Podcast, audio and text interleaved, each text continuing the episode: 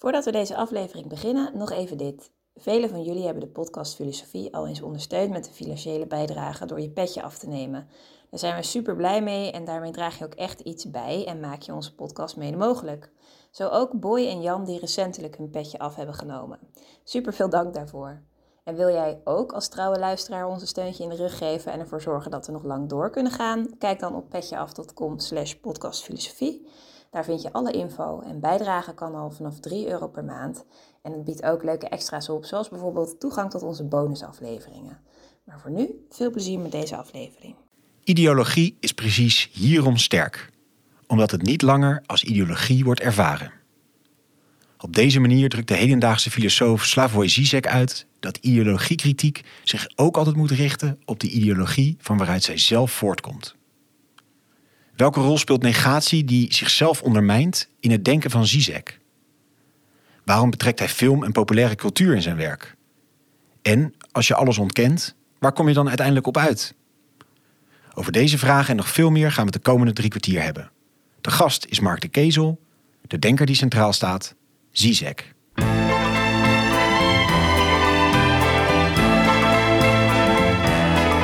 Vers où le l'ennui me courbent le dos. Dag, goed dat je weer luistert naar een nieuwe aflevering van de podcast Filosofie van het Centre Erasme. School voor Filosofie in Zuid-Frankrijk, Vlaanderen en Nederland.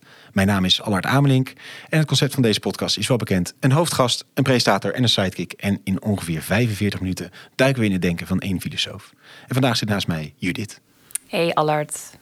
Wij uh, zijn te gast in uh, Nijmegen. Ik verklap het al een beetje. En uh, ik heb mijn stoel kwartslag gedraaid. En ik heb echt een buitengewoon mooi uitzicht over de Nijmeegse bossen. Dus ja. uh, begint goed. De, de, uitzichten waren weer even geleden. Het is goed dat we dat We dachten, we gooien hem er even in. En volgens mij is, is er ooit het hele concept nou, niet helemaal begonnen. Maar een van de eerste belangrijke uitzichten die we hadden was vanaf de Kamer van Mark de Kezel. Dus daar zijn we ook weer te gast. Ja, de man met het uitzicht. Ja. uh, bijzonder hoogleraar inmiddels theologie, mystiek en moderniteit aan uh, de Radboud Universiteit in Nijmegen.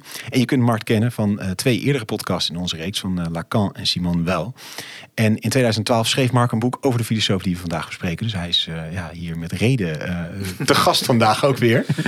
Dus uh, welkom Mark in de podcast. Dankjewel.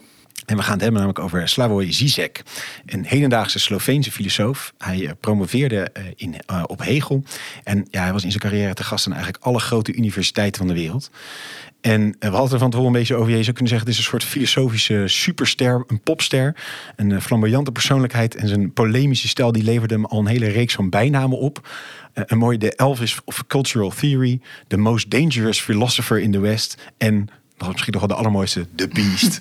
uh, Mark, een reeks hele spectaculaire namen voor een filosoof. Uh, wat maakt hem zo'n gevaarlijke filosoof? Of, of waarom wordt hij in wielhal zo gezien? Um, dat is een moeilijke vraag eigenlijk. Maar ik denk wel dat hij zijn populariteit te danken heeft aan zijn, aan zijn optreden. Aan de, de, de manier waarop hij een podium tot leven kan wekken. Hij is op zijn manier een stand-up comedian. Die niet dwars is van provocatieve uitspraken. Zijn uh, lezingen doorspekt met allerlei grappen, met verwijzingen naar films. En ook voortdurend over de heel concrete actualiteit spreekt in altijd stellige vormen. Dus je, kunt je ten aanzien van hem verhouden omdat hij niet de filosoof is die zich uitput in nuances. Nee, hij gooit er zich in en hij heeft de stelling en hij heeft zeer graag dat het publiek oeh, bah zegt. Nee, dit niet. En hij zweet nogal veel, toch? En ja, dat, ja, dat is juist. Hij, zijn performance is, is van die aard dat hij lichamelijk ook bijzonder performant aanwezig is. In die zin dat hij zichzelf quasi mutileert. Slaat voortdurend op zijn voorhoofd. Slaat hier op, de, op zijn linkerschouder. En in zijn oksels zie je, navenant de lezing duurt, de zweetproductie Dus als je een kort filmpje van Zizek ziet, zie je altijd waar het ongeveer in het, in het ja, gesprek ja, je was. Kunt, je kunt de lengte van waar hij zit, als je op YouTube kijkt, kun je de lengte waar ze beginnen filmen zijn zien aan... De diameter onder zijn armen. Exact, exact, ja. ja. En, en als je dan kijkt naar zijn denken, is het ook in die zin een gevaarlijke denker dat hij hele spannende dingen denkt? Wel, in ieder geval, hij is ervan overtuigd dat het denken sowieso gevaarlijk is. In die zin dat het denken door en dat is een Hegelianisme, door negatie getekend is. En die negatie moet zichzelf opzoeken. Die negatie heeft de neiging zichzelf te negeren. Dat is, dat, is typisch voor Hegel. Maar tegen die tendens in gaat hij die negatie harder maken. Dus hij gaat daar denken waar het ondenkbaar wordt wat je denkt. Maar dan daar precies gebeurt te denken. Want kun je wat, wat meer ingaan op die negatie? Want wat moet ik me daarbij voorstellen? Wel, dan, misschien moet ik eerst ingaan voor ik uh, een theo theoretisch word. Want ja, ja, in die podcast hier ga ik niet ingaan op, de, op de, het sterallure gehalte van Zizek, maar wil ik toch eventjes een statement maken door hier dat ondanks die allure is de man een zeer ernstige filosoof. En leidt hij eigenlijk, dat weet ik van hem persoonlijk, leidt hij onder zijn imago. Hm. Hij wil eigenlijk niet liever dan gewaardeerd worden als een 100% saaie filosoof. Ik heb met hem vaak ontmoet in de jaren 90, begin 2000. En toen was hij met Schelling bezig. En ja, de, hoe zou ik zeggen, hij, hij, hij, was kwaad dat hij terugging een aantal moppen en filmen uh, bespreken, want hij wou over Schelling spreken. Maar durfde dat niet goed en is toch aan dat imago blijven kleven. Maar goed, misschien eerst over biografie, want dat zegt wel iets over hem. Namelijk, hij is uh, geboren, als ik me niet vergis, in 47 in Ljubljana. Ehm, en is daar altijd nog aanwezig. Dus hij heeft zijn stad niet verlaten, ook al zit de helft van het jaar uh, ergens in, in, in, de wereld. Van, van Tokio tot, uh, tot Amerika, tot de St. Barbara University in, uh, in Californië. Um, en hij is door en door product van de universitaire cultuur. Dus het is, is een, een, een, een hardcore scholar eigenlijk. Um, maar Joegoslavië heeft wel met hem iets te maken. Namelijk, eh, in, in, in, zijn opleiding in de jaren 70, 80 volgt hij filosofieles en, en, en bekwaamte zich in de filosofie in Ljubljana. Op dat moment is Ljubljana deel van Joegoslavië en wordt hij aan de lijve geconfronteerd met het totalitaire systeem in zijn zachtere vorm. is geen echte Stalinist, Tito. Maar Tito is een communist en het communisme heeft een totalitaire vorm. Ja. Ondanks alle menselijkheid die men binnen dat spectrum van totalitarisme kan, kan aangeven. En hij heeft dat aan de lijf ondervonden. En dat heeft voor hem ook grote indruk gemaakt. Omdat hij toch wel gewaar werd dat filosofie samenhangt met kritiek. Werkt ook in het begin op marxistische kritiek. Dus komt eigenlijk uit de Frankfurter Schule en uit Adorno. Want dat kun je in een communistisch land niet tegengaan, omdat Adorno marxistisch is. Dat wel. Maar wordt wel gewaar dat, dat, dat er iets niet klopt daarin. Dat, dat, je, dat, dat vrijheid van denken en ideologie, dat die op elkaar instaan. En dus is zijn hele denken tot de dag van vandaag getekend door ideologiekritiek. Dat is een punt. Hoe, hoe dat je het ook draait of keert, niet alleen in Joegoslavië, uiteraard, daar komt hij uit. Maar ook het Westen heeft zijn ideologie. Ook het idee dat we buiten de ideologie of voorbij de ideologie zijn, wat Blair nog onlangs verkocht heeft eh, in, in New York op een of andere vergadering. Het idee buiten de ideologie te staan is door en door ideologisch. Dat heeft hij wel door. Maar heeft tegelijkertijd door dat het daarom, ook voor de criticus van de ideologie, niet echt eenvoudig is om buiten de ideologie te gaan staan. En dat, is, dat maakt het natuurlijk moeilijk. Dat, dat is wat het, het marxisme, dat hij in zijn systeem uh, in Joegoslavië heeft meegemaakt, wel beweert. Het marxisme beweert kritisch te zijn ten aanzien van de westerse neoliberale, of in die tijd nog liberale eh, kapitalistische ideologie, maar dacht wel zelf die ideologische strijd voorbij te zijn.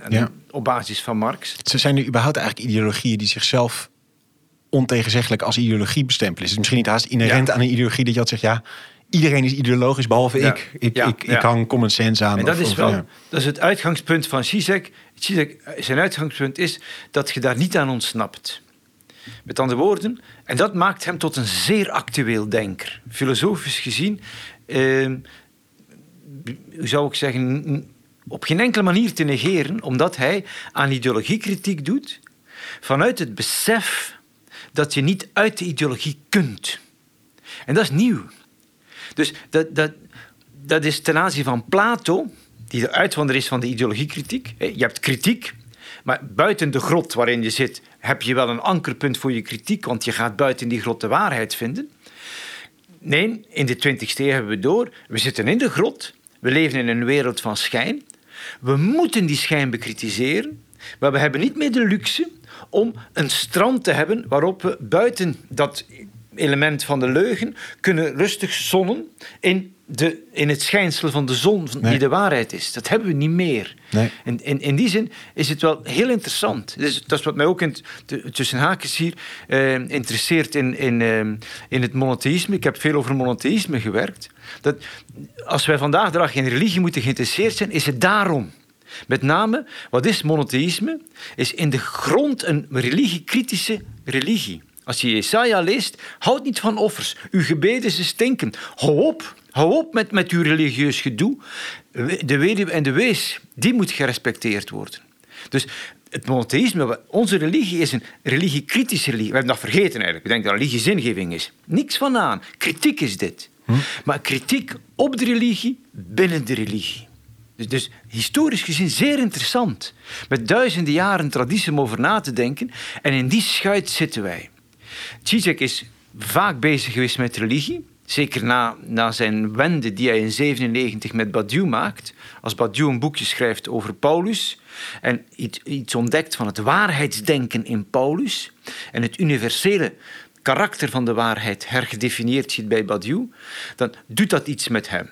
En zal hij terug die monotheïstische traditie die het christendom opnemen om altijd hetzelfde aan ideologiekritiek te doen.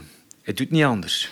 Misschien is het een goed moment om, om, om al naar die negatie terug te gaan. Ja, maar misschien toch nog één biografisch punt over De, de ideologie. Mhm. Namelijk, de, hij, uh, hij vertelde in zijn eerste boeken vaak uh, de, de volgende story. Dus toen hij jong was, uh, was hij intellectueel. Hij was er natuurlijk de verleiding om een partijkaart te hebben. Nee, want als je partijkaart hebt, heb je een baan verzekerd bij de, bij de universiteit. Of ik nu een partijkaart heeft of niet, eh, denk ik niet. Maar hij vertelt in ieder geval van vrienden van hem, die dus een sollicitatie doen om partijlid te worden. En dat verhaal gaat als volgt. Ze gaan op, op gesprek, ze krijgen een aantal proeven voorgelegd. En ze, ze vragen of ze uh, één, Marx genoeg kennen, uh, ernstig genoeg zijn in een kritiek op het kapitalisme enzovoort. En de bevinding is de volgende. Als een echte Marxist die overtuigd is van het Marxisme, overtuigd is van de kritiek op het kapitalisme, als hij die proef, als hij voor die proef uh, moet plaatsnemen ten aanzien van de, degene die hij moet beoordelen, dan moet hij één ding opletten. Met name, als hij echt dat meent en ze hebben het door dat hij het echt meent, wordt hij niet aangenomen. Wanneer wordt die aangenomen? Als hij wel zegt wat de kritiek is, dat het kapitalisme slecht is, maar ze moeten onder de huid van de tekst horen dat hij ook wel van beter weet. Zo werkt ideologie. Ideologie werkt niet met gelovigen. Ideologie met mens, werkt met mensen die perfect kunnen doen alsof ze geloven. Top, dat klinkt nu raar als ik dat over het, het, ehm, ehm, communisme zeg. Maar dit is onze situatie. Doe, ik kom uit Vlaanderen. Als ik in de katholieke sector, die 80% van de sociale werken, van de sociale instellingen in, in, in België is nog verzuild, dus katholiek. Als ik als echte katholiek zou solliciteren en ik zeg dat uit de maagd Maria de godheid geboren is, ik geef u 100% zeker, ze zullen mij niet aannemen. Nochtans is dat de kern van het christendom en dat is incarnatie. Dus wat moet ik doen? Ik moet doen dat ik dat ook wel weet dat dat een fabeltje is, maar ik moet toch een beetje aan dat fabeltje houden. Dus je ziet wel, dat er verandert iets. Hè? Er, er is iets dat, dat op een of andere manier ideologie anders doet werken. Dat heeft hij van Althusser. Maar en, en, en wat is dat? Want dat is dus dat dat ideologie is altijd een vehikel om dingen te bereiken. Het is altijd een instrument. Dus je moet het nooit zo, de soep nooit zo heet eten als die uh, Ja, maar dat betekent ook dat mijn kritiek op de ideologie deel uitmaakt van de ideologie. Hm. Dus de, de, de echte communist weet dat het communisme te bekritiseren is. En weet met die kritiek om te gaan. Dus we zitten in een cultuur van kritiek. En, en we moeten dus op het niveau van de filosofie die kritiek anders gaan formuleren. En daar is Zizek oneindig belangrijk in. Want hij heeft door dat je moet kritiek leveren, maar dat je tegelijkertijd kritiek moet leveren op de pretenties van je eigen kritiek, namelijk dat je niet opnieuw de waarheid kunt ernaast zetten. Hoe dat precies is, weet Zizek ook niet goed, maar dat heeft hij wel goed door. En dat is dus die negatie waar we aan het begin op kwamen. dat- ja. Die ideologie zelf kan een ontkenning zijn van andere ideologieën, maar er zit ook nog een negatie op de negatie. Ja. Dat je altijd op je metaniveau weer moet Ja. reflecteren op je eigen situatie. Dus het, het, het element waarmee je kritiek levert op een ideologie, is het element waarmee je de ideologie groot houdt, waarmee de ideologie, de ideologie zich groot houdt. Dit is Hegel. Dat, dat heeft hij ontdekt via Adorno, maar daar heeft hij niet zoveel, daar heeft hij alleen in, in, in Ljubljana veel over geschreven. Maar dat heeft hij on, on- eh, van, van, van, Adorno en Hegel. Eh, dat is die pure negatie. Met name, je moet die negativiteit altijd wapenen tegen de negativiteit zelf. Je moet neg- negatiever zijn dan het negatieve waarmee een ideologie werkt. Een ideologie werkt met negativiteit. Je moet er een afstand tegenover hebben. Maar je, om, om je werk goed te doen als ideologiecriticus, moet je precies inschatten dat de kritiek op de ideologie tot de ideologie be- behoort. En heb je een soort altijd metakritiek. Je, hebt altijd, je staat altijd in het meta. En dat is een beetje wat je eerder noemde met Jezaja, met, eh, die zegt van ja, weg met die religie, Ja. zeg maar. Dat in die religie zit Ja. die... Ja, als je dat, wat Zizek niet doet, hè, maar als je dat op het, eh, formeel op het schema van het monotheïsme plaatst, daarover gaat monotheïsme. Niet over zingeving, niet over troost in moeilijke tijden, niet over het feit dat we de weg kwijt zijn. Nee, nee, we zitten op die weg, die weg is zeer gevaarlijk en we moeten elkaar bekritiseren daarin. Dus, dus ja, is wel, dat is wel actueel eigenlijk. Zeker in het kader van het fundamentalisme. Die, die bij uitstek de, die- de geloofsparadigma voor religie, eh, hoe zou ik zeggen, toont dat dat een heilloze weg is. Een religieuze traditie is tegelijkertijd een kritische traditie. En Mark, je zei eerder in, eh, in ons voorgesprekje dat dit een beetje een Franse lezing was van, eh, van Ja. Hegel. Ja, het is een Franse lezing van Hegel, omdat de, de, de nadruk op de eh, harde negativiteit, dat wil zeggen op de, om het filosofisch te zeggen, de onaufhebbare, de niet op te heffen negativiteit, die komt eigenlijk van Kierkegaard. Dat is Kierkegaard zijn, zijn idee. Ik ben, ik, ben, ik ben een neen, een negativiteit die moest die er niet zijn in de wereld, die werkt met negativiteit. De wereld zou niks missen. Ik ben een nutteloze negativiteit. Ik, ben ik ben een zinloze negativiteit. Dat is existentialisme. Dat komt langs Sartre binnen in, in Frankrijk als existentialisme. Dat, wordt, eh, dat, dat zit ook in Kojève zijn antropologische lezing van de des Geistes van Hegel. En dat komt zo binnen in Hippolyte, binnen in Lacan. En hij heeft dus die Hegel, die overal zit, die bij Derrida zit, die bij Lacan zit, die zelfs bij, bij, bij Foucault zit, die, die heeft die van Kojève en heeft die van Sartre. En dat is die, dat is die, die, die, die, hoe zou ik zeggen, die anarchistische negativiteit. De, de, ja, de, Ja. negativiteit eigenlijk. Die houdt Ja. gewoon niet op en Ja. blijft zich maar... Ja. De, de Weltgeist is getekend door, om het Freudiaans te zeggen, een doosprincipe. Dus de Weltgeist is niet getekend, is getekend door negativiteit, maar in plaats van zich in stand te houden, heeft hij een kracht in zich die zichzelf voortdurend ondermijnt tot op het zelfvernietigende af. Wat Hegel natuurlijk niet gedacht heeft in, in feite. Maar men haalt in de analyses van Hegel die negativiteit eruit. Of men heeft het boek van Jean Waal gelezen, uit, ik denk uit 27, eh, de, de, het ongelukkige bewustzijn bij de jonge Hegel, die een grote relatie ziet tussen Nietzsche, met zijn harde negativiteit ook, met zijn harde hamerende kritiek, en de jonge Hegel. Ook al heeft Hegel het veel over de liefde en over het christendom als verzoening, Hegel legt altijd nadruk op wat er moet verzoend worden. En wat er moet verzoend worden is quasi onverzoenbaar. Maar het is juist het onverzoenbare dat de zaak verzoent. Het is juist de afstand tussen de geest en zichzelf waar de geest zichzelf vindt. Dus hij vindt zichzelf altijd in zijn eigen afgrond. Als je dat een beetje leest met Schelling er tegenover, dan komt die negativiteit nog groter uit. Dat is wat bijvoorbeeld eh Zizek doet in zijn Schelling-boeken eigenlijk. Die zijn meest interessant... De, de, de, de Invisible Remainder, dat is een van zijn meest serieuze boeken. Het is, het is eigenlijk een... eh, de, eh, en uh, Less Than Nothing, dat, dat is zijn dikke boek. Hij heeft een boek van duizend bladzijden. Hè? Het is sowieso een veelschrijver, toch? Ja, het is een veelschrijver. Less Than Nothing, dat geeft het goed weer. Namelijk, de nothing waarover het gaat, de negatie waarover het gaat, is minder dan niets. Het is een, het is een soort, dat is naar Lacan, een soort materieel niets dat door het idee van niets niet kan gevat worden. Eraan ontsnapt, maar woekert in dat niets.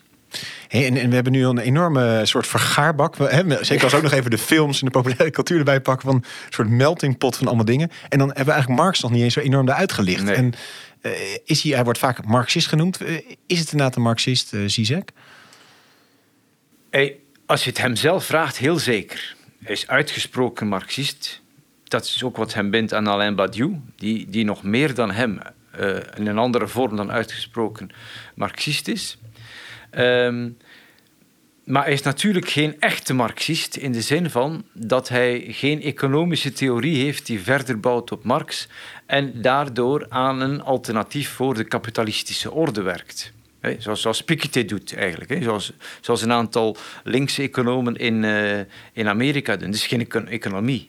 En Marx is natuurlijk wel, ja, zeker in zijn marxistische uh, tendens, is Marx een econoom. Dat is Kapitaal is een economisch boek, waar hij een analyse geeft van het kapitalisme, met als duidelijk doel, we moeten een alternatief scheppen.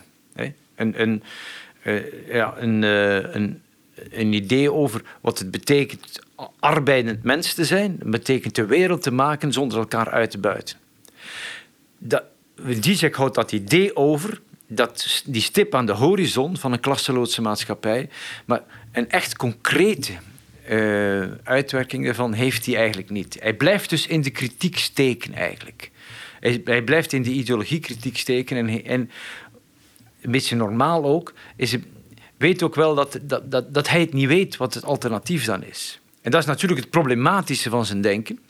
Maar goed, als je Zizek zou bekritiseren en denken dat hij het ook niet weet, dan heb je van filosofie niet veel verstaan. Want geen enkel filosoof weet het. Filosofie bestaat er precies in datgene wat we weten, van een kritisch instrumentarium te voorzien, zodanig dat we terug de, die, dat, dat heerlijke eindeloze strand of die afgrond of die fantastisch gezellige warme hel van het, van het niet weten hebben. Dus dat is filosofie ook. Hè. Ja, of in ieder geval op zijn minst is dit de lezing van de filosofie die Zizek ook zou onderschrijven. Ja, ja. En belangrijker dan Marx is eigenlijk Lacan voor hem. Ja, want daar hebben we eerder met jou natuurlijk ook een podcast over gemaakt. Hè? Op want welke als, manier... als Zizek materialist is, en dat is hij, dan is hij altijd ook materialist in de Lacaniaanse zin. En dat is, dat is minder makkelijk uit te leggen eigenlijk. Eh, ik zal het misschien heel eenvoudig uh, inleiden. Uh, waarom Lacan een materialist is, is omdat Lacan aan die negatie waar we het over hadden. Hè, de wereld, is, is de wereld wordt opgebouwd door mensen die voortdurend, door het feit dat ze denkende wezens zijn, die wereld negeren en van die wereld iets anders maken. Dat is die negatie. Maar bij Sartre, bij Cogève, ga je nog uit van een ik. Die negatie is nog mijn bewustzijn. Het is mijn bewustzijn dat negatief is. Lacan zal die hele traditie overnemen, maar dat verbinden met Freud, met het onbewuste. Het onbewuste die hij niet denkt als een iets dat verdrongen is in mij, wat ik niet weet. Nee, het onbewuste is het niet weten weliswaar, maar waarom weet ik iets niet? Omdat ik het punt van waaruit ik spreek, dat subject, datgene wat ik normaal mijn bewustzijn noem, het punt van waaruit ik spreek, dat ontsnapt aan mij.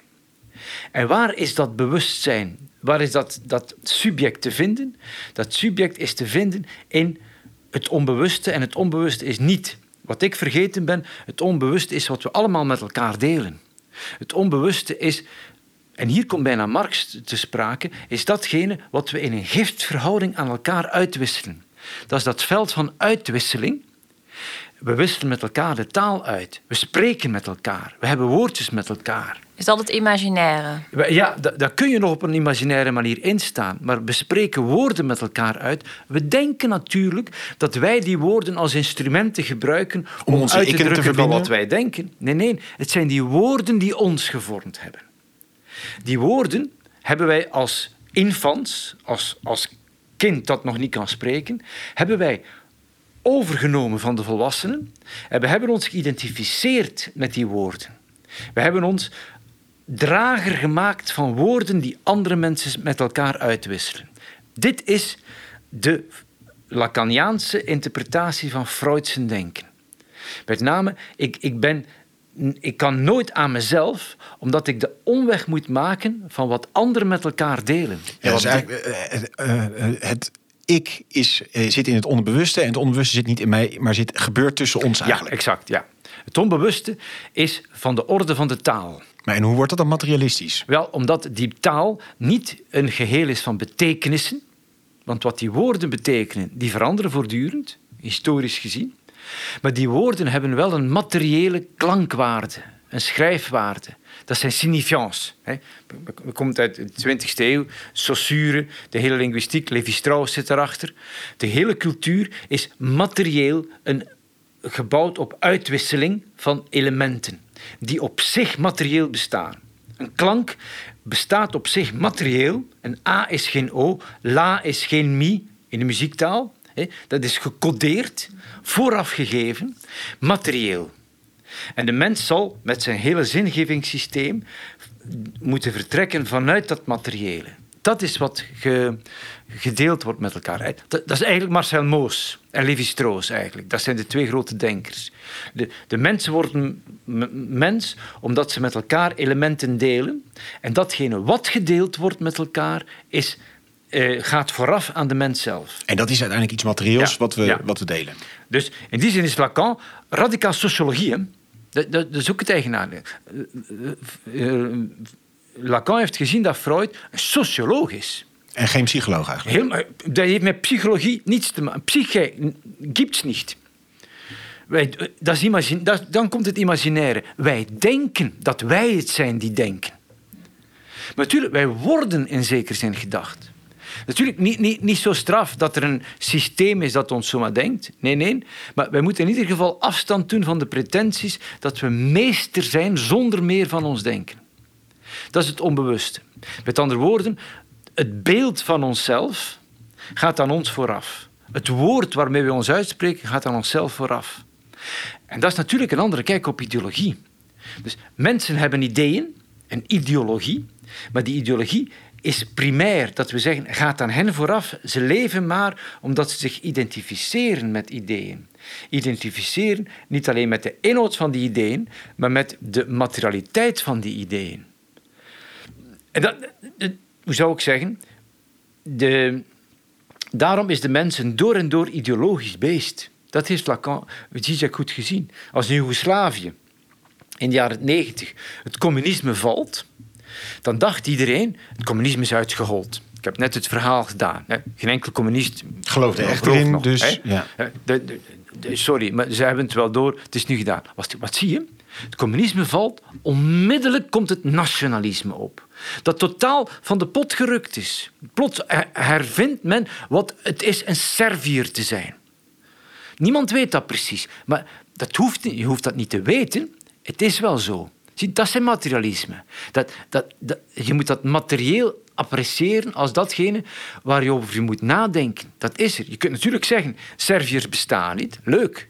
Maar er is wel een oorlog geweest. Dus, je kunt dus materieel is het Serviërschap er wel. Dus je bent niet meester over je eigen identiteit. De betekenaar Serviër bestaat. Ja. Dat is het. En die betekenaar, die, die, die, die wordt plots een meesterbetekenaar. Dat is, eigenlijk Lacan. Plots wordt een betekenaar in dat veld van betekenaars waarin je u, u waar maakt. Plots wordt een meesterbetekenaar de naam voor alles van het geheel. Dat zie je bij elk conservatisme eigenlijk, bij elke ideologie. Dus elke ideologie bestaat uit het, uitwisselen van tekens. Die tekens die hebben een structuur. Maar de, de geschiedenis verandert omdat meesterbetekenaars anders gekozen worden. Plots staat Serviër voor de nieuwe identiteit. Zo wordt een identiteit gevormd. Ik vorm mijn identiteit naar één element dat ik dat laat noemen wat het geheel betekent.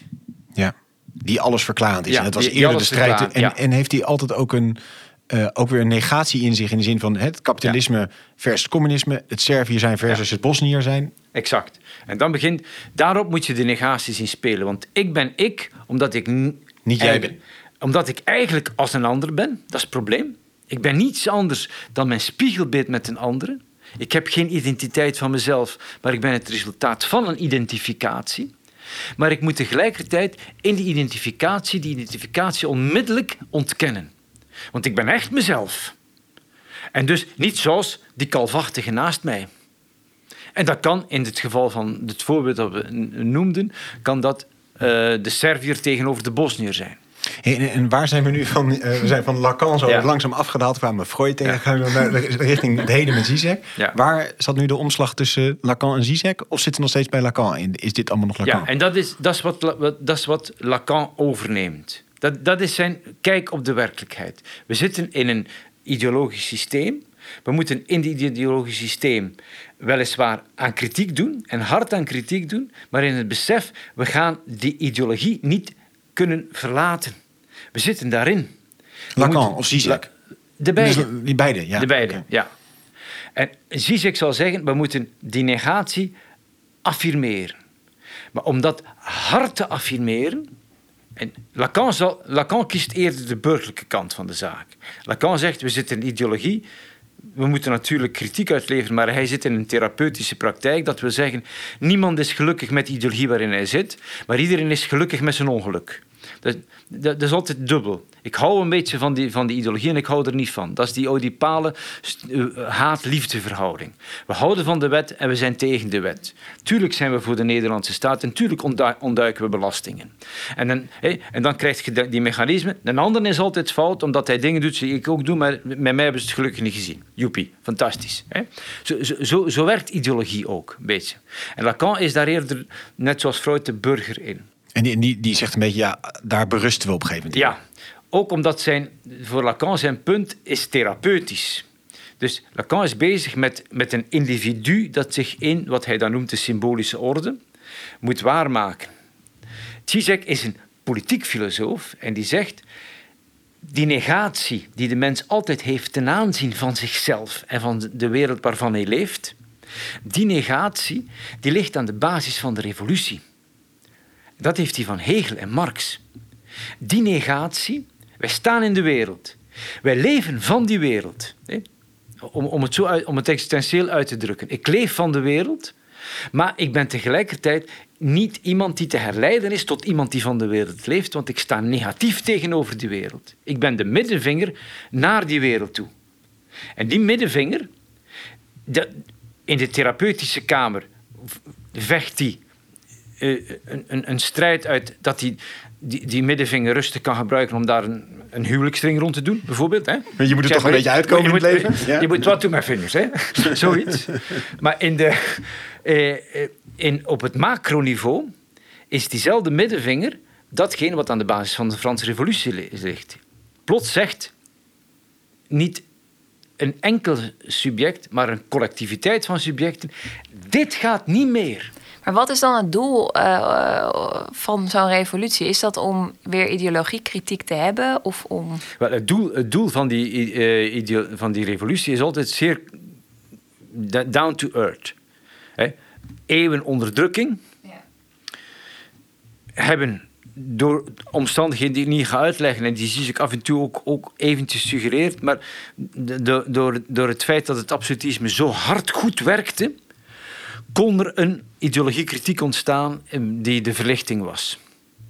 He- Heel eigenaardig eigenlijk. En eigenlijk door het uitschakelen van de religieuze kritiek. Dat heeft eh, Lodewijk XIV niet goed doorgehad. Maar Lodewijk XIV heeft eigenlijk de Franse revolutie mogelijk gemaakt. Hij heeft de adel uitgeschakeld, de burgerij posten gegeven. En dan, eh, mensen mochten niet meer nadenken over religie. En dat is plaats voor de vrijdenkers. En plots hebben die vrijdenkers gedacht, we kunnen dat wel denken, maar we gaan dat nu eens doen. En eerder werden ze nog een beetje een soort een bordje toegegooid van Ja. zoek het maar uit in het Ja, denken. En en dan hebben ze dan- gewoon de macht gegrepen. Waarom hebben ze de macht gegrepen? Omdat ze ideeën hadden, namelijk de mensen zijn gelijk en niet ongelijk. Dus die idee van ongelijkheid was onhoudbaar geworden. Die idee van ongelijkheid was vroeger mogelijk, als je het Lacaniaans leest, omdat de ongelijkheid verbonden was met een meesterbetekenaar God, Heer. die altijd beheert en heerser is over.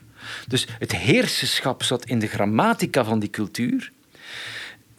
Als alle mensen gelijk zijn, dat zit er bij ons niet meer in. Heersers, we hebben de mond vol van leiderschap, maar, maar voordat je het weet zit je terug in een leiderschap à la Hitler. Dat gaat niet... Misschien werkt het nu terug opnieuw. Hè? Maar in de 20e eeuw, in de vroeg 21e eeuw, zeg ik nu heel voorzichtig, heeft dat niet gewerkt.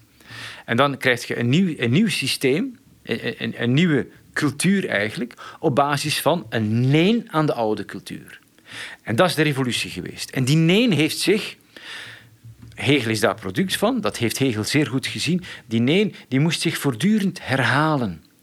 Als harde, middenvinger opstekende neen. Richting het oude nee.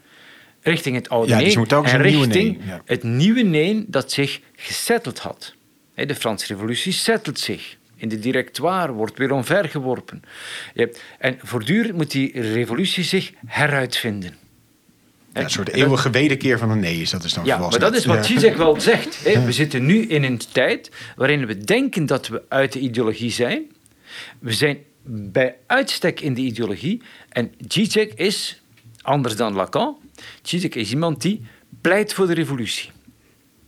Hij weet niet goed hoe die revolutie zal... Anders dan Marx, hè, heeft, geen, heeft geen schema van de revolutie. heeft geen wetenschappelijk inzicht in de geschiedenis die zegt... als die condities zich voordoen, zal de revolutie geschieden. Dat heeft hij niet. Maar samen met Badiou heeft hij wel... Zoals het nu is, kan het niet verder. En, laatste boek van hem, Als een dief op klaarlichte dag... bij uitgeverij Starfish Books... Raad ik iedereen aan. hè. Doe- de- de- een, een mooie uitgave. Maar dat is een punt eigenlijk. We zien het wel niet. De, de revolutie komt niet als een dief bij de nacht. Nee, we staan erop te kijken en we zien het niet. Dat is terug Lacan, het onbewust. Hè? Ja. Je, je- kijkt ernaar, maar het onbewuste is altijd in open lucht. Het, openlucht, het, het onbewuste is niet iets dat verdrongen is. Het open lucht is iets dat we weten, maar we weten niet wat we weten. Nee. En, en, maar die revolutie zou nooit ook toch een eindpunt kunnen zijn. Want uiteindelijk moet daar ook weer een nieuwe revolutie Ja. op komen. Dus daarmee is misschien ook wel inherent aan Zizek denken... dat hij niet een beeld heeft van hoe die revolutie moet Exact, zijn. ja, Het is ja. meer een instrumentarium dan een doel. Ja, maar het maakt natuurlijk, eh, eh, hoe zou ik zeggen, het revolutionaire elan wat zwakker. Dat is de zwakte van linkerzijde, waar ook, waar ook Zizek toe behoort. hè.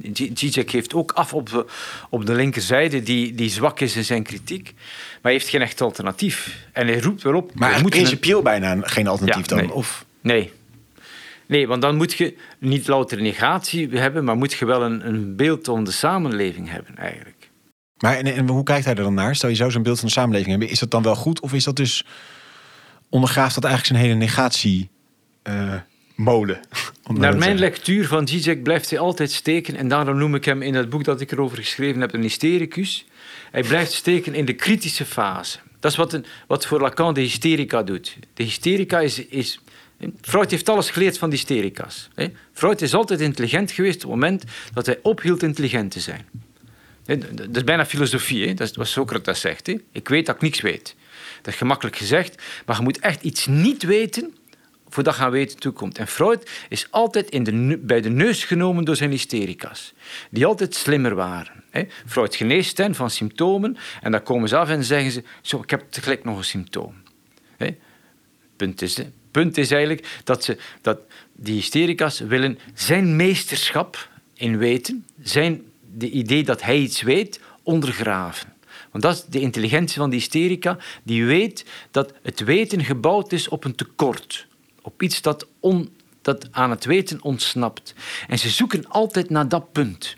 Dus bij uitstek is kritiek geven hysterische activiteit. Het zoekt naar de negativiteit in een, een, een sluitend systeem. Dat is Hegel. Het is een beetje water wat kruipt naar, altijd naar, het- naar het laagste Ja, punt... of naar het, het gaatje opzoekt.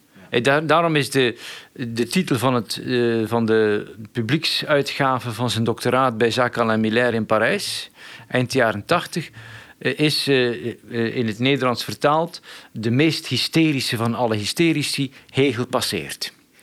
Hey, voilà, c'est ça. En hij meent het ook. Dus het, is, het is geen, het klinkt ironisch, maar het, het klopt ook. Hè. Dat is ook vaak zo. Hè. Bij, bij Zizek, het klinkt ironisch, maar het is... Het, het heeft iets van een stand-up comedian, maar het is het niet. Hè? Nee. Het, is wel, het is wel een ding. Heeft, heeft gewoon, is juist. Hè? Is, is juist. De, de Hegel is een hystericus. Die zich natuurlijk wapent tegen zichzelf. Want hij, hij wil natuurlijk sluitend zijn, maar ook als je het hoofdstuk van het absolute bewustzijn bij Hegel, bij, bij de Philosophische des Geistes leest, je voelt daar dat Hegel gedwongen is dat hij alles moet weten, maar hij weet ook wel dat hij niet alles weet. En dan, moet, dan- komt de hele heilige familie erbij om dat toe te dekken. Als het hoofdstuk Als kent- stopverf. maar ja, niet als stoppen, want bij Hegel is het altijd, het is altijd hoogst intelligent. Hè? Ja. Dus het is dat is wat Adorno ook goed gezien heeft. Hè? Als, je, He- als je Hegel goed leest, kom je op die, op die onhoudbare negatie. Dat, dat is ook wat, wat Derrida in Glas doet. Die, je komt op die onhoudbare negatie. Dat is, en dat is wat, wat, wat Lacan doet. Lacan is niks anders dan Hegel, toegepast op het structuralisme van, van Levi-Strauss met Freud erbij.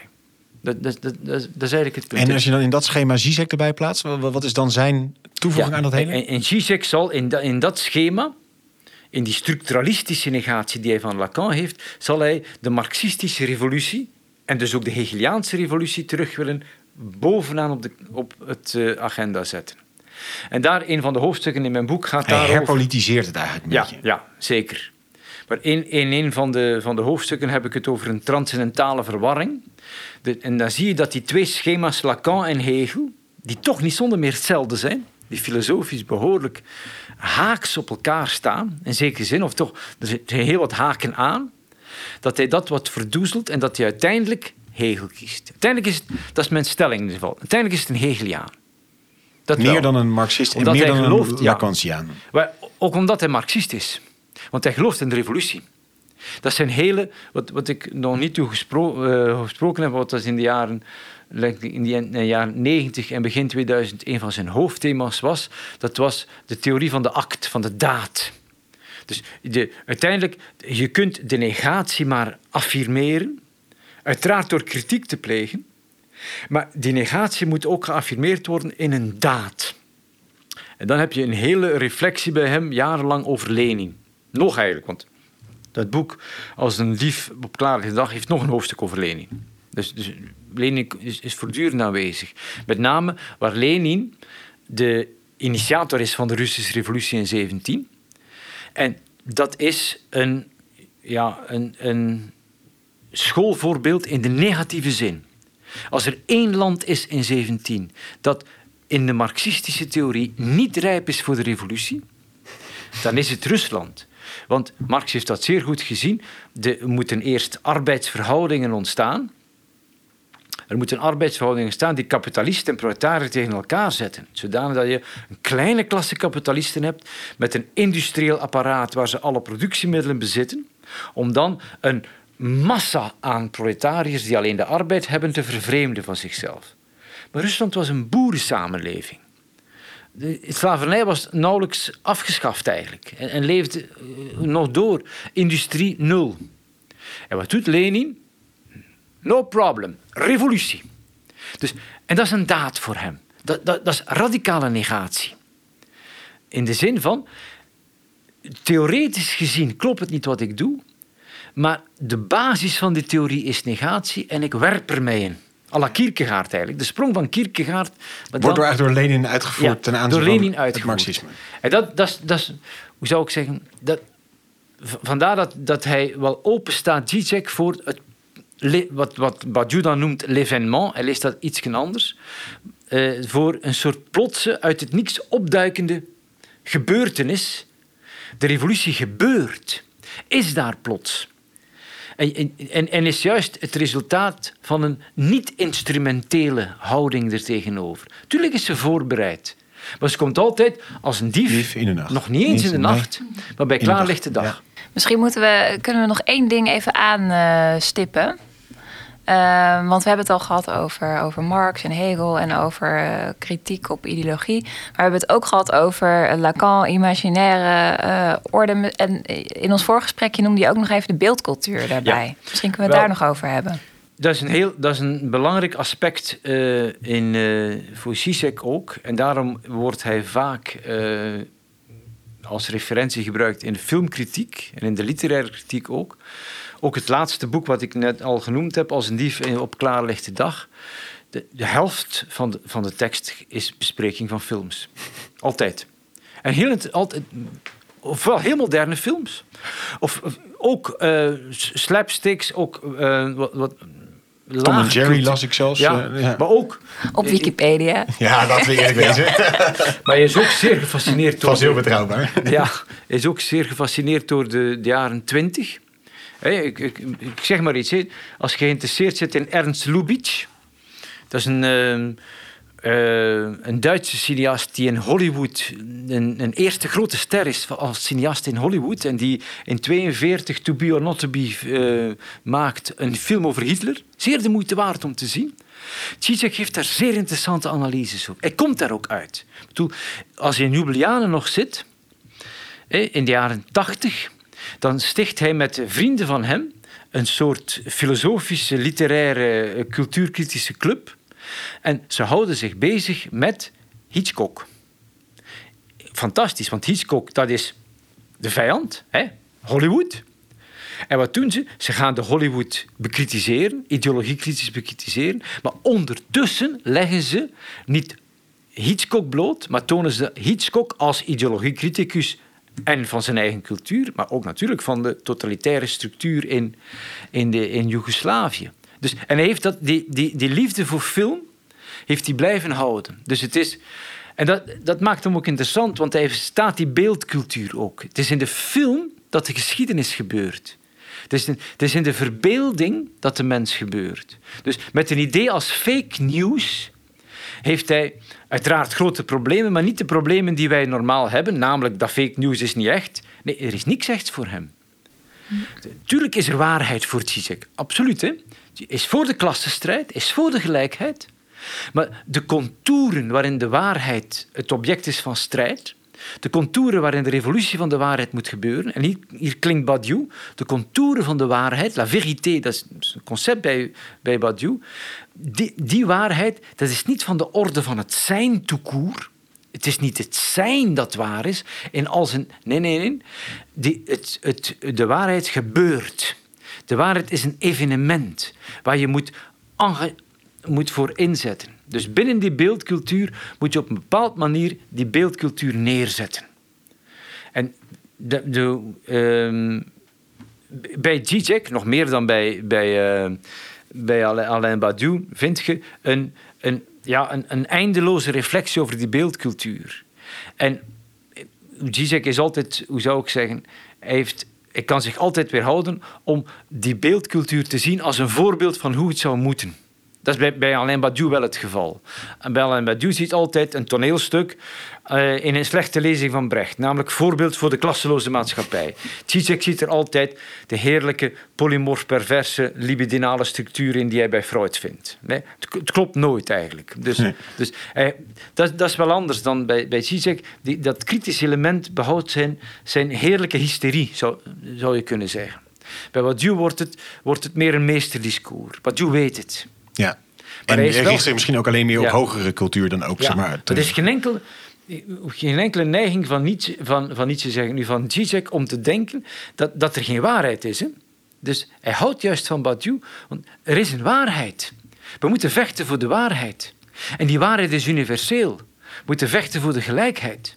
Dus zijn kritiek nu in dat nieuwe boek op, ik zeg maar iets over, ehm, over de MeToo, eh het, over de, de, diversiteit in de identiteit. Hij, waarschuwt altijd, het gaat hem niet over identiteit, het gaat hem over universaliteit. Ze moeten niet opkomen. Ik ben niet als, ik weet niet, LGBT of, of hoe, hoe, hoe seksualiteit. Ik, ik moet niet daarin gerespecteerd worden. Alle mensen moeten gelijk zijn. Dat is het punt. En ik ben misschien verschillend, maar het gaat in mijn strijd voor het feit dat ik verschillend ben niet om mij te redden. Het gaat om alle mensen te redden. Dat heeft hij. En de waarheid heeft, dat is van Badiou, heeft een universeel karakter. Maar en, en in die hele molen van negatie waar we dan in zaten, waarom kan dan die universaliteit wel blijven staan?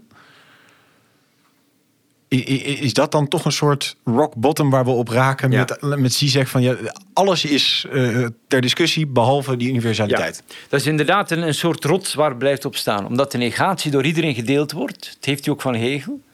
De mens is getekend door negatie, is gelijk in die negatie. En die negatie moet gelijkelijk de kans krijgen om te kunnen zijn wat ze is. En dus, is, is zoals bij Hegel, is er natuurlijk plaats voor individualiteit, voor verschil. Maar het verschil is datgene wat de mensen gelijk maakt. Dus Zizek staat volledig in wat vandaag de dag een beetje oud, oud is, in, in La pensée de la différence uit de jaren 60. Daar staat hij eigenlijk volledig in. Het denken van het verschil.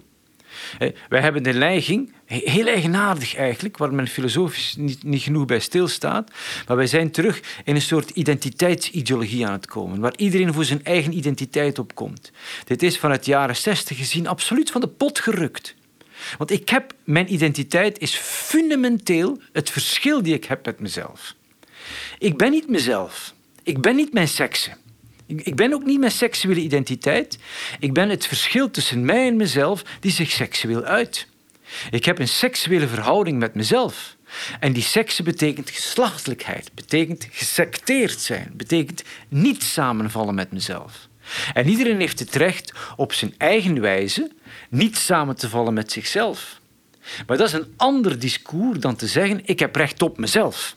En voordat je het weet, zitten we nu terug aan een, aan, een eigenheidsideologie eigenlijk, waar Adorno zo tegen vocht. Dat, is wel, dat, heeft hij ook, dat is wel van belang als, als je dat in een multicultureel landschap ziet. Er zit wel in, in de, genoeg elementen om tegen de tolerantie-ideologie in te gaan. Want als, als mensen in een multiculturele wereld met verschillende culturen samenleven, kun je denken, goed, die culturen die moeten elkaar verdragen en iedereen heeft zijn eigen eigenheid. Dat is wat we altijd gedaan hebben. Mhm. En wat is het resultaat? Dat de Turk die in Nederland leeft, die moet vooral Turks doen. Want we zijn natuurlijk toeristen gebleven en we zien graag iemand anders. Met een, op een podium moet hij anders denken, dansen liever. Wij willen eigenlijk andersheid om dat te consumeren. Dus natuurlijk, dat, dat, wat genereert dat? Dat genereert conservatieve identiteit. Wat kenmerkt een Turk die in Nederland zit, dat hij niet samenvalt met zichzelf. Anders zou hij in Nederland niet zitten. Dat hij niet goed weet wat een Turk zijn is en dat hij dat elders probeert met, met een andere afstand. En wat is wat mij gelijk maakt aan de Turk? Niet dat ik ook een eigen cultuur heb, is ook zo. Maar dat je ook niet samenvalt met voilà. Ja. Dus we hebben en dat is het universalisme. En dat is universeel. Hè? We hebben een basis om met elkaar te praten. Namelijk, niemand is wat hij is. Hè? Hetzelfde voor religie eigenlijk. Hè? We hebben een basis van met de islam te praten, namelijk alleen God is God. En niet wat jij denkt dat God is, is God. Dat is onze traditie. God kun je niet benaderen zonder kritiek. Dus er zit in de Koran en in de Bijbel een behoorlijke dosis religiekritiek. Daarop moeten we inzetten. Wat doen we nu? Nee, de moslims hebben een geloof, wij hebben een geloof. We gaan een beetje ons eigen koesteren en, en, en eigen navelstaarderig ons eigen opzwepen. Dus maar dan mooi, dan zijn we uiteindelijk namelijk toch nog die negatie heeft nu wel zijn plek gekregen. Want die harde kern is toch een negatie. Dat is mooi. want wij vallen niet met, ons samen, met elkaar, met onszelf samen. En dat bindt ons dan toch in zekere zin. Dus dat is toch. Uh... Ja. Hey, dankjewel, Mark. Uh, een, een buitengewoon interessante podcast. Ook omdat we ongeveer naar de hele filosofiegeschiedenis even voorbij ja, je, je, hebt nog even Plato en Socrates ook nog aangestipt. Dus het is, uh, we hebben de hele kamer gehad. Dat is wel mooi. Uh, en de aanleiding was uh, Slavoj Zizek. Een uh, flamboyant man, stellig, een soort stand-up comedian lijkt hij in zijn, zijn uitingen. provocatief, met grappen, met films, met actualiteit. Maar, zegt Mark heel duidelijk, hij leidt ook een beetje onder die performance. Het is een, ja, een soort beeld wat van hem bestaat. Terwijl het ook een hele gedegen filosoof die daaronder zit. En nou goed, daar hebben we van mij heel veel over gehoord. hij, zijn biografie is belangrijk in die zin dat hij opgroeit in communistisch totalitaristisch regime in Joegoslavië. Misschien niet zo erg als de andere regimes, maar toch als Tito natuurlijk een, een wereld waarin het denken sluit.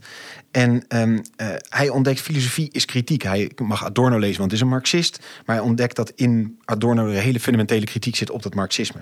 Er klopt altijd iets niet. En dus wordt eigenlijk in Zizek zijn hele denken ideologiekritiek een, een hele belangrijke pijler. Um, het is heel moeilijk om buiten die ideologie te komen, ontdekt hij. Je ontsnapt er nooit aan. En daarmee is zijn ideologiekritiek een, eigenlijk een, een soort metaniveau zit daarin. Namelijk dat je ook zelf dus niet in je kritiek op ideologie nooit buiten ideologie kan denken. En het is niet zoals met Plato's God dat we op een dag in een wereld buiten de schijn kunnen komen. Nee, we zullen altijd in een soort schimmenspel blijven zitten. Mark haalde daar mooi ook even religie aan. Dat uiteindelijk in elke religie zit ook een vorm van religiekritiek. Jezaja die zegt, uh, weg met die godsdienst, het gaat ons om de armen. Uh, kortom, die, die soort angel zit daar altijd in van die zelfkritiek. Ideologie werkt dan dus ook altijd perfect met mensen die doen alsof ze het helemaal snappen en het helemaal menen, maar het eigenlijk stiekem niet helemaal menen. Je moet een soort die, die, die afstand hebben tot die ideologie om goed te kloppen. Uh, we hadden het voorbeeld van de sollicitatie bij de Marxistische partijen. Je moest wel goed even die afstand laten zien dat je het niet helemaal echt meende. Kritiek is dus een inherent onderdeel van ideologie. Er zit een soort dubbele negatie in. En dit haalt hij bij Hegel vandaan, Zizek. Um, alleen zegt hij eigenlijk, je moet dus nog negatiever zijn ten aanzien van de negativiteit die je gebruikt om tot andere dingen te verhouden. Dus je moet eigenlijk daar altijd nog weer een stapje scherper op zijn. En dat is natuurlijk zeer actueel voor uh, totalitaire systemen, maar ook natuurlijk voor fundamentalisme zit het ook in dat ja, als je die angel er niet in hebt, dan ontspoort het ook snel. Je kunt zeggen, is het het Hegel? Het is misschien een beetje een Franse lezing van Hegel, omdat er heel erg die lijn in zit die je een beetje vanuit Kierkegaard zou kunnen trekken naar Sartre door van ik ben een niet. En dan komen we op een gegeven moment ook bij zo bij Lacan aan. Is Zizek dan een Marxist? Ja, zegt hij zelf. Nee, zou je kunnen zeggen, want hij is niet echt een man van een economische theorie. Hij gebruikt wel die stip op de horizon van het Marxisme, maar uh, ja, blijft eigenlijk een beetje in zekere zin steken in, in de kritiek die hij heeft vanuit het Marxisme, maar biedt niet echt een reëel alternatief. Hij is dan wel echt een materialist en daar komt eigenlijk de, de wat langere lijn Lacan in beeld. Um, uh, Lacan die verbindt zich met Freud en pakt eigenlijk Sartre en Freud worden een beetje bij elkaar gebracht. Freud zegt, ja, ik heb nog een ik. Uh, sorry, Sartre, daar zit nog echt een ik in. Maar bij Lacan wordt dat ik een stuk diffuser nog, want dat is het onderbewuste. En uh, ja, dat, dat subject dus, dat in het onderbewuste, dat ontsnapt mij altijd. En het is dan niet gelokaliseerd in een onderbewuste in mij, maar nee, het vindt plaats tussen ons. Dus het ik is niet een ik in mij, maar is eigenlijk een ik wat tussen ons gebeurt. En waarom, dat klinkt heel immaterieel, nee, maar het is juist heel materieel. Want uiteindelijk het onderbewuste wordt dus gebouwd op materiële dingen die er gebeuren. Die wordt gebouwd op taal, wat gewoon naar de klank, hè, de A is geen E. Dat zijn gewoon hele harde materiële zaken. Daar wordt cultuur op gebouwd, daar wordt het onderbewuste op gebouwd. En daar komen uiteindelijk ook dus wij uit voort. En we moeten dus eigenlijk vertrekken vanuit een soort materieel-sociologische blik. En ik is imaginair. Uh, wij zijn geen meester van onszelf. Het beeld van ons gaat ons vooraf ideologie gaat ons ook vooraf. En dan zien we bijvoorbeeld met die overgang van communisme naar nationalisme. Um, eigenlijk het enige wat gebeurt is dat er een andere hoofdbetekenaar, een meesterbetekenaar komt. Eigenlijk is het hele speelveld blijft nog hetzelfde, maar er komt een andere pilaar omhoog die plotseling alles betekenis geeft. En dat, die betekenis is dus altijd ook een negatie. Hè? Je bent een Serviër omdat je geen Bosnier bent. Je bent een communist omdat je geen kapitalist bent. Waar Lacan dan eigenlijk een beetje het pad pakt van ja, ach, in de psychologie van ja, daar moet je uiteindelijk in berusten. We hebben nou eenmaal een haat-liefde verhouding tot hoe we geconstrueerd worden en wie we zijn. Trekt Zizek het weer politiek terug. En die zegt ja, die negatie die in onszelf zit, die in ons hele bestaan zit, dat is de basis voor de revolutie. Ik leef in de wereld, maar ik ben ook, en ik leef van de wereld, maar ik ben ook een middelvinger naar die wereld. Dat is eigenlijk de revolutie. Um, Zizek is dus pro-revolutie. Tegelijkertijd kun je dus zeggen, hij blijft een beetje hangen in die kritische fase. En daarom noemt Mark hem ook wel een, een hystericus. Uh, hij zoekt altijd dat negatief. Hij blijft als het water zeg zoeken naar het gaatje waar het toch weer zit, waardoor hij toch weer die waarheidsclaim kan ondergraven. Um, maar wat hij dus wel heel duidelijk doet, hij legt eigenlijk uh, Marx weer bovenop het stapeltje van die hele laag van Freud en, en Lacan uh, en Marx en Hegel. Hij legt Marx eigenlijk weer bovenop, eigenlijk misschien beter gezegd Hegel bovenop, omdat die revolutie en dat politieke weer op top bovenop komt te liggen. Hoe komt die revolutie dan? Ja, die komt dan eigenlijk als, niet als een dief in de nacht, maar een dief op klaarlichte dag. En daar haalt hij dat voorbeeld van Lenin aan tot slot kwamen we dan nog even te spreken over de beeldcultuur. Nou, ach, eigenlijk zo raar is dat dus niet, want uh, misschien is fake nieuws erg, maar er is eigenlijk alles is fake nieuws. Ook onze eigen identiteit is in zekere zin veel uh, fake nieuws. En uiteindelijk kwamen we dan toen op uit dat Zizek toch wel ook een harde kern zit. Die negatie komt wel op een punt uit. Namelijk dat er toch een waarheid is, namelijk dat we universeel zijn. Dat het om alle mensen te doen moet zijn en dat we daarvoor moeten vechten. Staat dat, dat dan niet eigenlijk een hele rare tegenspraak met elkaar? Want als je een enorm van negatie bent, mag je toch eigenlijk nergens op uitkomen, zou je gevoel zijn. Nee, maar uiteindelijk is het feit dat wij allemaal dus niet met elkaar samen, met onszelf samenhangen, dat we die negatie zijn, dat bindt ons uiteindelijk. Dus de harde kern de ultieme waarheid in denken van Zizek is eigenlijk een negatie toch nog in zichzelf. Dat is zijn hele proces. Nou, wellicht wat complexe zoektocht, maar dat maakt het je natuurlijk altijd extra leuk. Daarom luister je waarschijnlijk ook altijd naar deze podcast, dus dat is heel goed. En tegelijkertijd is ook mooi bewijs dat Zizek nou niet alleen die leuke popster is met de grappige uitspraken en met de uit de hand lopende zweetplekken, maar echt een man is die uh, toch ook echt intellectueel gezien een, een beest is in die zin. Dus uh, in, daar, in die zin ook zijn, uh, zijn naam verdient. Heel hartelijk dank Mark voor een ontzettend interessant verhaal. Heel hartelijk dank. Judith ook heel hartelijk dank. En natuurlijk tot slot jij ook altijd heel hartelijk dank voor het luisteren. En graag tot een volgende keer. Au soleil. Emmenez-moi bout de la terre. Emmenez-moi au pays des merveilles. Il me semble que